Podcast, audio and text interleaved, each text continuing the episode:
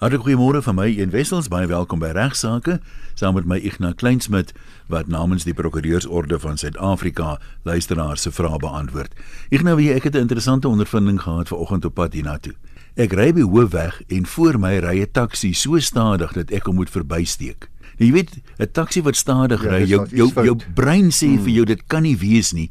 Tog beleef jy dit. Dan jy hierdie gevoel van is dit nou 'n visioen wat jy sien? Is dit die werklikheid? Is jy in 'n koma? Is dit 'n parallelle universum? maar dit was vir my baie snaaks geweest. Dit is die eerste keer in my hele lewe dat dit gebeur dat 'n taxi nie haastig is iewers heen nie. Ek vermoed hy het vasgehaak in tweede rad. Ek moet sê ek het nie vir jou antwoord nie behalwe ek is verstom. ja maar baie welkom by ons. Baie dankie Ian, is lekker om weer met jou te gesels en lekker ook om weer met die luisteraars te gesels. Uh Ian, ek het so 'n bietjie aan die kantoor skoonmaak geraak en nou oh -oh. kry ek 'n baie oulike briefie. Uh 'n brief gedateer 27 April 1999 nog aan Nikki van den Berg by wat sê die prokureur gerig. Ek wil nie lelik wees nie, maar jy maak nie baie kantoor skoon nie, né? Dit wys jou nie. uh ek was bietjie verveeld wat die wat nou terugkom van vakansie af. Ja. Maar die briefie is geskryf deur Dani Maree. Nou Dani Maree is ook 'n is ook een van die skrywers wat ons na verwys het. Dit is baie oulike Landros, dis reg ja. En hy skryf toe 'n uh, mooi hierdie briefie aan wat sê die prokureur van destyds wat ek graag weer wil herhaal want dit is uh, nogal vir my oulik. Hy sê as afgetrede Landros luister ek graag na die program Wat sê die prokureur? Dis veral die bespreking van die klompie besondere geskiedkundige hofsaake wat besonder interessant is. Soos elke regstudent het ek ook van die diere wat in hofgedinge gewikkel was geleer. Ek onthou ons het al jare terug het ons 'n paar uh, dierehofsaake ja, gehanteer. Ja. Soos uh, hy sê in ons geval was dit 'n klompie muise wat nie aan die subpoenas is nou getuie dagvaardings gehoor wou gee nie en nie hof toe wou kom nie omdat hulle die eiser se kwaadaardige katte gevrees het. Maar dit daar gelaat. Hy sê ek is bewus van 'n strafsaak wat in Suid-Afrika plaasgevind het waarby die beskuldigde ook 'n dier was. Ek is in die jare toe ek nog 'n staatsanklaer in die streekhof opgetree het. Dit moes so ongeveer 1968-69 as ek reg onthou gewees het van daardie saak vertel en ook die notules daarvan gewys. So hy sê af jy die notules van die saak gesien sê hy of die notules nog bestaan weet ek nie. Indien die verskeie persone wat kantoorhoofde by die kantoor van die Landros Queenstown was hulle werk gedoen het, behoorde notules nog steeds reeds lank voor ek dit gesien het, vernietig of na die argiewe oorgeplaas gewees het. Nou sê omdat dit reeds so lank terug was wat ek die notules gelees het, kan ek natuurlik nie meer al die detail onthou nie. Die verhoor het in die laat 19de eeu tydens 'n sitting van die rondgaande afdeling van die Hogeregshof te Queenstown plaasgevind.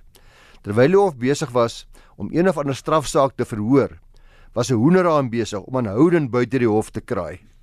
Nou hy sê hierdie gekraai het die agbare voorsittende regter waarskynlik vreeslik geïrriteer. Nie tenstaan aan die feit dat die hofkonstabel 'n paar keer probeer het om hierdie haan tot orde en stilte te roep, het die gedoemde voël nogtans voortgegaan met sy gekraai. Volgens hierdie notules het die regter die hofkonstabel gelas om die hoenderhaan sonder versuim en of lasbrief in hegtenis te neem en voor die hof te bring. So gesê, so gedaan. Die hof het die haan het by die verskyning voor die hof versuim en of geweier om sy optrede te verduidelik of om verskoning te vra. Nou gaan hy aan in Engels en hy haal aan and the cock was summarily convicted of contempt of court and sentenced to death Oeh. by the presiding judge whereupon the cock's neck was wrung in court by the court orderly. Sommer net daar. Reg van appel bestaan seker die verhoorders nie gedraai daar deur die regter en hy sê uh, dit is eh, 'n uh, werklike notule wat hy gelees het wat hy self nog gekyk het die Hogeregs of in Queenstown. Hy sê dan ek is ontsettend jammer dat ek nooit 'n afskrif van hierdie gedeelte van die notule van die saak waarmee die hof op daardie stadium besig was gemaak het nie. Sulke juweeltjies kom 'n mens net een keer in 'n lewe en dan moet jy hulle bewaar vir ewig. Dani Mare uh op daardie stadium van panorama aan die Kaap. Ek weet nie of hy nou nog uh, of Perdo is nie. Maar baie dankie meneer Maree vir hierdie baie kostelike stukkie wat u al in 1999 vir ons gestuur het by hierdie program. Dit wys jy nou net, die mens moenie regter die hoenders inmaak nie. Dis reg, ja. Sy van hoenders gepraat, ek nou ek dink is nog 'n storieetjie uit genade ede lagbare uit. Iewers by platteland sit die hof en dikwels is dit so warm is en staan daar sy deur oop, jy weet, en tydens verdagings was daar nou al slange in die hof gewees wat 'n bietjie van 'n konsternasie veroorsaak het wat die hof nou blykbaar hervat na middagete en hulle so entjie weg met die verrigtinge toe behoor hulle maar hier's nou 'n gevroetel in die hof En die landros bly vir 'n oomblik stil en hy kom agter met die gevroetel is hier onder by sy voete rond op die bank waar hy sit. En terwyl dit nog so vroetel hoor hulle hier val iets en dit rol. En die landros kan dit nou nie langer wag nie en hy kyk af toe sien hy maar hier 'n hoenderhen kom skrop hier onder sy voete. Sy het nou 'n eier gelê wat daar rol en nou is die hoender baie verontwaardig dat hy nou daar haar nes ontneem. Sê vir my een as jy boek nog op die rakke? Die nuwe een ja, lag sonder grense verseker. Ehm uh, hy behoort daar nog kopieë van te wees. Jy kan hom kry by toonaangewende boekwinkels vir al exclusive books at the klomp bestel. Dis humor so 'n wye wye reeks grappies met enige denkbare tema ingedeel in 14 hoofstukke of jy kan hom direk by Lapa Uitgewers ook bestel. lapa.co.za is op onder nie fiksie of as e-boek by amazon.com. Dan uh, het Dani Maree in hierdie briefie van hom vir ons gesê dat hy veral die bespreking geniet van die geskied, die geskiedkundige hofsaake. Nou een geskiedkundige hofsaak uh, wat ek graag weer vir ons luisteraars wil uh, voordra is die uh, van 'n boer gedurende die oorlog tye dit gaan maar oor 'n perd en daar's twee interessante sake in oorlogsgeskille oor perde. Hierdie saak is Lemkoel versus Skok. Dis in 1903 in die Appelhof aangehoor hier in Suid-Afrika en die regters was hoofregter Ines, is baie drie baie bekende regters en regters Wessels en regter Smith. Nou alle regs uh, studente en regsdosente en regsgeleerdes sal weet dat hierdie uh, drie regters uh, daardie tyd in die appelhof het vir ons baie waardevolle skatte nagelaat. Die feite was kortliks as volg. Lemkoel was 'n Vrystaatse burger wat met die uitbreek van die oorlog onder kommandant Prinsloo geveg het. Toe kommandant Prinsloo sy uh, komando tot oorgawe gedwing word, uh, is Lemkoel een van die handjievol burgers wat die Britse eed van getrouheid aflê. Uh, vanaf Augustus 9 van 1901 veg uh, Lemkoel huis in die eiser sy aan sy dus met die kakies. Nou op daardie stadium loop sy perd nog op sy plaas Nymanshoek in die Vrystaat en in Mei 1902 lê die boeremagte in die omgewing van daardie van sy plaas beslag op hierdie perd in terme van 'n proklamasie van die boere krygsraad onderteken deur die president van die krygsraad. Die proklamasie het bepaal dat alle roerende goedere van burgers wat vrywillig dan verraaiers of joiners geword het, gekonfiskeer kan word. So sy perd word kragtens daai proklamasie gekonfiskeer want hy sê joiner het die kakies gejoin. So word uh, sy perd toe vir die 'n sekere meneer Kok gegee. Dis die verweerder in hierdie saak. Die saak is Lemkoel versus Kok wat op daardie stadium nog op komando was en 'n perd nodig gehad het.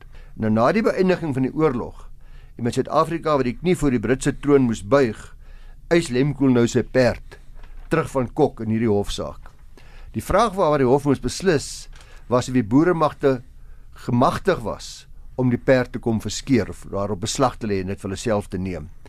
Daar word beslis in die Landdroshof eers dat Lemkoel toe die eed van getrouheid afgelê het teenoor Engeland 'n vyand vir die land geword het en die Vrystaatse regering ook 'n vyand van geword het en dat die konfiskering van die perd daarom regmatig was. Lemko was nie tevrede met die uitspraak nie, appeleer aan die Hooggeregshof van die Oranje rivier kolonie en uh, tot sy onnigtering word die uitspraak vir die Landdroshof weer eens herbevestig. Uh die keer op grond van regspraak, dit was 'n saak van Nkomata versus Matwa en ander wat bepaal het dat enige eiendom van 'n rebel waarop beslag gelê word tydens oorlog, die eiendom van die regering van die Unie word waarteen hy gerebelleer het. Nou Lemko appeleer 'n tweede keer, nou na die appelhof toe. Aanvanklik lyk dinge beter vir hom.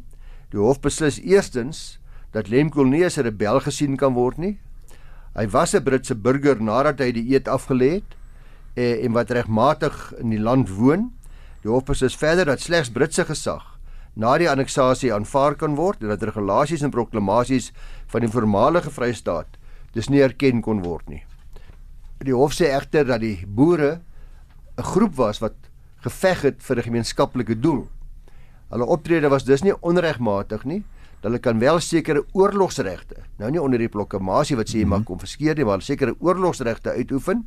Hulle kon wel nie regulasies maak wat Britse onderdane bind nie, want hierdie van Lemkoel is nou Britse onderdaan, maar hulle kan beslag lê op eiendom vir gebruik gedurende die oorlog, soos in enige ander oorlog normaalweg kan geskied. Aangesien dit die rede was waarom by perd beslag gelê is, het die hof dus die vorige beslissing se weer herbevestig en die appel met kostes van die hand gewys. So Lemkol kon sy perd nie terugkry nie. Volgens die regulasies wie konfiskering was die perd nou die regering se eiendom, nie Kok se persoonlike eiendom nie, as ek reg is ek dit sê. Onthou is hy maar net nog 'n verweerder gewees met die perd in sy besit was. Korrek. Hy het die regering het die perd vir hom gegee as deel van die oorlog omdat hy hom nodig gehad het uh, as deel van sy pligte as 'n soldaat. Dit was 'n besondere perd gewees het of Lemko was 'n vermoënde man om tot in die appelhof te gaan draai daarvoor. Ek weet nie wat regskoste daai tyd was nie, maar deesdae kan 'n man dan 'n renperd koop met die regskoste van die hofsaak. Daar is net so interessante saak in 1902 deur dieselfde regters uh ander by dieselfde appelhof, dis regters Ines uh Smith en Wessels in die saak van Alexander versus Fou, P F A U. Nou Alexander was 'n Britse burger wat in Suid-Afrika gewoon het en met die oorlogswolke wat donker oor Suid-Afrika saamgepak het, verlaat hy sy huis in Johannesburg op 2 Oktober 1899. Hy laat egter sy grys pony in Suid-Afrika agter in die sorg van ene Mark.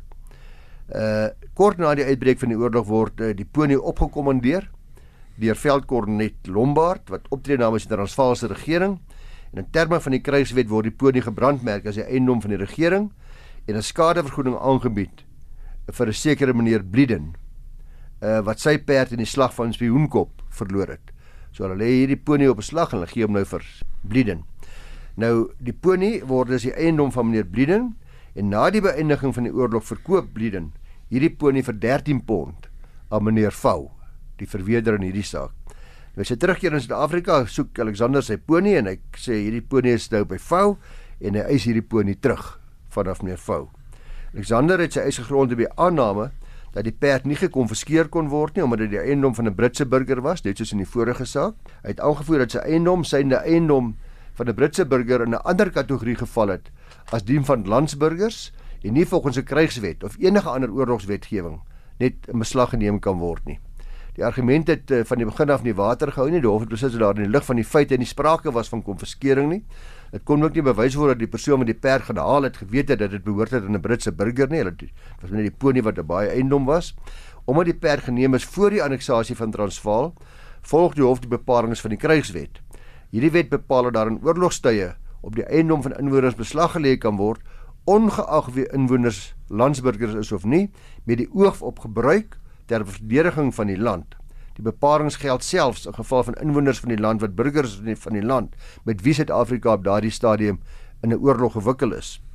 Die hof sê verder dat die kruiswet in ooreenstemming is met die internasionale reg wat bepaal dat 'n vreemdeling, dis 'n nuwe burger, nie net die voordele en beskerming van die reg van die land waar hy bly kan geniet nie, maar ook soms die nadele wat daaruit mag voorspruit. Sou daar dus van sy eiendom beskikbaar wees in tye van oorlog, dan kan dit gebruik word vir militêre doeleindes in belang van die land waarin hy woon. Die feit dat Adis 'n Britse burger was, het hom dus nie in 'n beter posisie geplaas nie. Hy het in die uit eh, die podium in Suid-Afrika gelos en daarom kan dit gebruik word. So in hierdie geval uh, het die hof dus bevind uh, dat die Engelse pony behou kan word en uh, meneer meneer Fou het dus die Engelse pony behou en Alexander se appel is met kostes van die hand gewys. Uh hierdie keer het die kakies dus verloor. ja nee, kyk aanhouer wen sê hulle mos. Ja. Ek wil luister daar's net weer daaraan herinner dat al die programme van regsaake as potgoeie beskikbaar is. So as jy nie kan half 12 op 'n maandag luister nie, kan jy enige tyd wanneer dit vir jou gerieflik is, gaan na die webwerf rsg.co.za, dan klik jy so links bo aan die bladsy op potgoeie dan as jy 'n nuwe bladsy oopmaak en dan kan jy of alfabeties afrol tot by R vir regsaake of jy kan regsaake as 'n soekwoord, 'n sleutelwoord insit daar en as al die programme daar, die jongste een heel bo, by elkeen is daar ook 'n kort beskrywing van die inhoud van die program. So jy kan dit daar aflaai, jy kan dit uh, op CD sit as jy wil, jou rekenaar, dan kan jy luister net wanneer jy wil. Ek nou waaroor gesels ons in deel 2. Meneer van der Mest sê hy het nou pas teruggekom van vakansie af. Dit is nou hierdie Desember vakansie wat nou verby is in 2018-19 en hy sê hy kan nou nog nie ontslaa raak van sy frustrasies oor die mense wat weier om na links oor die geelstreep te beweeg wanneer jy by hulle wil verbyry nie. Hy sê hy en sy vrou het uh, nou lank gestry daaroor want sy vrou sê dis onwettig. Jy kan nie vir hulle kwaad word nie. Hulle mag nie na links beweeg uh om oor die geel streep te ry die linkerkant nie want uh, sy sê daar's 'n ordonnansie wat dit so bepaal. Hy sê dit is nie so nie en hy vra vir my wie's reg van ons twee en daar's blykbaar 'n geldjie ook verwet op hierdie uh, vraag. Nou uh, meneer van der Mest, daar's 'n gevolgere regulasie 298 hoofletter A van die padverkeerswet is bestuur op die skouer van 'n openbare pad verbode. Met ander woorde, die skouer is hierdie links van die geel streep behalwe in die volgende omstandighede. En uh dit beantwoord u vraag. Dit sê tussen sonopkoms en sonsondergang op 'n pad wat net een laan in elke rigting het. In ander woorde, nie die groot nasionale paaie wat dubbelpaaie weerskante het nie. As daar een laan in elke rigting is en is al lig, jy kan al sien tussen sonopkoms en sonsondergang, uh dan terwyl 'n ander voertuig verbysteek, mag 'n persoon na links beweeg op die skouer van die pad. So dis nie verbode nie. Uh die volgende voorwaardes geld egter. Uh die bestuurder moet dit kan doen sonder om hom of haarself of ander verkeer of voetgangers of eiendom op die pad skade te berokken. En vervolgens ook mense in voertuie op openbare pad moet duidelik op 'n afstand van 150 meter sigbaar wees. So dit moet dit moenie bewolk wees of mistig of wat ek nogal nie. So baie belangrik dis om hierdie uh, regulasie waarna ek verwys in sy geheel te sien. Holisties daarna te kyk. U vrou is reg en u is ook reg. Sekere tye mag jy beslis nie ander woorde op die skouer beweeg nie. Dis as dit sodra donker of skemer is. Ander woorde as dit nie tussen sonopkoms en sonsondergang is nie. En wanneer jy wel uh daar mag beweeg, uh dan moet jy dit doen op voorwaarde dat dit veilig is dat jy nie ander karre of verkeer voor jou dat jy 150 meter kan sien voor jou en uh dat jy nie uh ander mense openbare voertuie en verkeer of padgebruikers uh, in gevaar stel nie. So is maar 'n oordeels wat elke bestuurder uh, moet moet uh, hê. Aan die ander kant, as jy agter groot vragmotors ry, sal jy dikwels sien, daar staan 'n kennis jy moet sê no yellow lane driving nie voertuig mag nie op die skouer beweeg nie hy mag nie links van die geel streep beweeg nie so daar's niks verkeerd nie dis nie onwettig om nie uit te beweeg vir so, Daar's geen verpligting op 'n bestuurder om dit wel te doen nie, al is dit veilig. Geen, geen verpligting hoegenaamd nie. So diegene wat verkies om nie vir u pad te maak nie, uh, tree tree geen wetgewing nie. Die wat wel vir die pad maak wanneer dit lig is, uh, oortree ook geen wetgewing nie. Uh, so ons moet almal maar leef en laat leef wat hierdie uh, hierdie saak betref. Maar daar's 'n ander ding wat nou groter klipie dink ek in baie mense se skoen is, veral in die vakansietye as die pad besig is. Dis nou 'n enkel baan weerskante toe en dan soms teen 'n bult, teen 'n stylte, dan maak hy twee bane aan die een kant, juis met die idee dat swaar vragmotors en stadige voertuie links kan hou. Maar dan is daar altyd een of ander ou met 'n treilertjie wat per per per per per in die regterbaan ja. teen 80, 90 terwyl hy 120 kan ry. En hy is nou soos hulle in Engels sê, jy weet ignorance is bliss. Hy het nie 'n klou wat om hom aangaan nie, maar dit is eintlik 'n misdaad want daai bordjies wat sê hou links steek regs verby, is dit nie maak dit nie onwettig om nie links te hou dan nie? As jy daai spoedry verseker ja, ding dit is die ander ding wat natuurlik gebeur, een wat 'n groot uh, oorsaak is van uh, ons ongelukke op ons paaie is die feit dat mense nie hul volgafstande hou nie, so die persoon wat wel verbygaan, nou as 'n hele streep karre skielik Jy ry agter 'n vragmotor uit, jy sien geen verkeer van voor af nie. In die volgende oomblik sien jy maar hier's eintlik 4 of 5 motors wat jy vinnig moet verbysteek, want hulle ry so naby mekaar dat jy nie weer kan terugbeweeg ja. na links nie. En dit is omdat daardie mense natuurlik nie hulle volgafstande hou nie. Hulle ry te naby mekaar sodat ander verkeer dan nie ook uh, vinnig kan terugkom wanneer dit nodig is nie. Natuurlik is dit ook sodat mense wanneer jy verbysteek, mense eers behoort seker te maak of daar genoeg geleentheid is om by al die voertuie voor jou gelyktydig verby te steek. Maar dis dis nogal opvallend hoe baie mense oënskynlik nie bewus is van wat op die pad aangaan nie, wat die situasie voor hulle en agter hulle is nie. Want jy sien ook soms, jy weet, nou as jy besig om 'n ou verby te steek, dan begin hy ook sommer verbysteek. Jy weet, dan het hy nou nie besef jy sal amper langs hom nie. Dan druk hy net weer voor jou in en ek meen as mens net in die spieeltjie kyk, sien dit sien. Ja, ag ek ek, ek dink mense kan maar afsluit dat hierdie deel betref om te sê dat die vraag van ons luisteraar meneer van 'n mes betref en die geskil is is dat moet ek tog maar 'n beroep doen en dink dit is net ter wille van padveiligheid ter wille van frustrasies en irritasies uh, van bestuurders soveel beter om aan na links te beweeg as daar geen gevaar is nie om die voertuig wat 'n bietjie vinniger is hier ry 'n geleentheid te gee om op 'n veilige wyse verby te steek. Absoluut. Dan het ek 'n briefie gekry uh Antoinette Dreyer Ek weet nie of u hierdie vraag kan beantwoord nie. Ek en my oorlede man was getroud binne gemeenskap van goedere. Hy is in Junie 2014 oorlede. Dan ook nie gewerk en was hy die trench waarna ons verhuis het na Burgersfort. Ons het sy pensioenfonds belê by Liberty Lifestyle Preservation Pension Fund. Ons is reeds in 2009 uitmekaar, maar hy wou nooit skei nie omrede hy die helfte van alles aan my moes gee en ek het gesukkel om geskei te kom. Soos genoem is hy in 2014 oorlede. So die stadium van hulle egskeiding was sy nog met hom getroud as ek reg verstaan. Ek het vertoe gerig om 'n deel van die pensioenfonds te kry, maar Libby het my laat weet dat ek nie geregtig is daarop nie, want my man het my kinders die begunstigdes gemaak. As ek net uitklaring hieroor kan kry, sal ek baie bly wees. Nou Antoinette, eh, ek gaan maar in die algemeen hierna verwys. Ek het baie meer feite nodig uh oor u situasie en u onderhoudsbehoeftes ensovoorts uh voordat ek die vraag in detail kan beantwoord, maar in die algemeen vir al ons luisteraars, elke pensioenfonds het 'n raad van trustees. Hulle moet uh, besluit. Hulle het die diskresie om te besluit wie geregtig is binne die bepalinge van die reëls van daardie spesifieke fonds. Uh gewoonlik en dis is uh, dit sal dit feitelik altyd so wees, gaan die vraag wees wie's die werklike afhanklikes van die oorledene, die pensioenfonds lid. Kom ek gee 'n voorbeeld. Kom ons sê daar's daar's 3 eise een van die vrou met wie die oorledene geskei was 15 jaar gelede, argument sondalwe.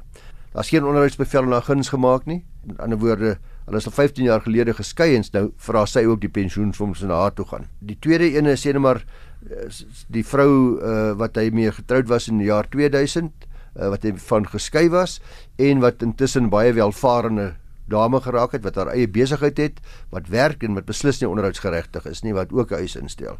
Derde ene byvoorbeeld hierdie dame wat hy mee uitmekaar uit was in 2009 en uh wat vir haarself kan sorg en uh, by wie by wie hy twee kinders het.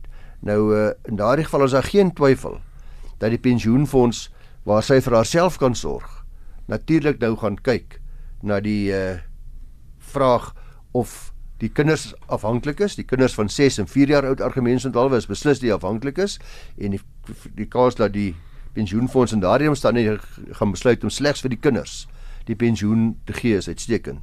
Die feit dat sy nog op hierdie spesifieke dame nog getroud was op datum van afsterwe maak 'n bietjie verskil want daar's 'n wet op jou op die uh, onderhoud van langslewende gades wat van toepassing ook is.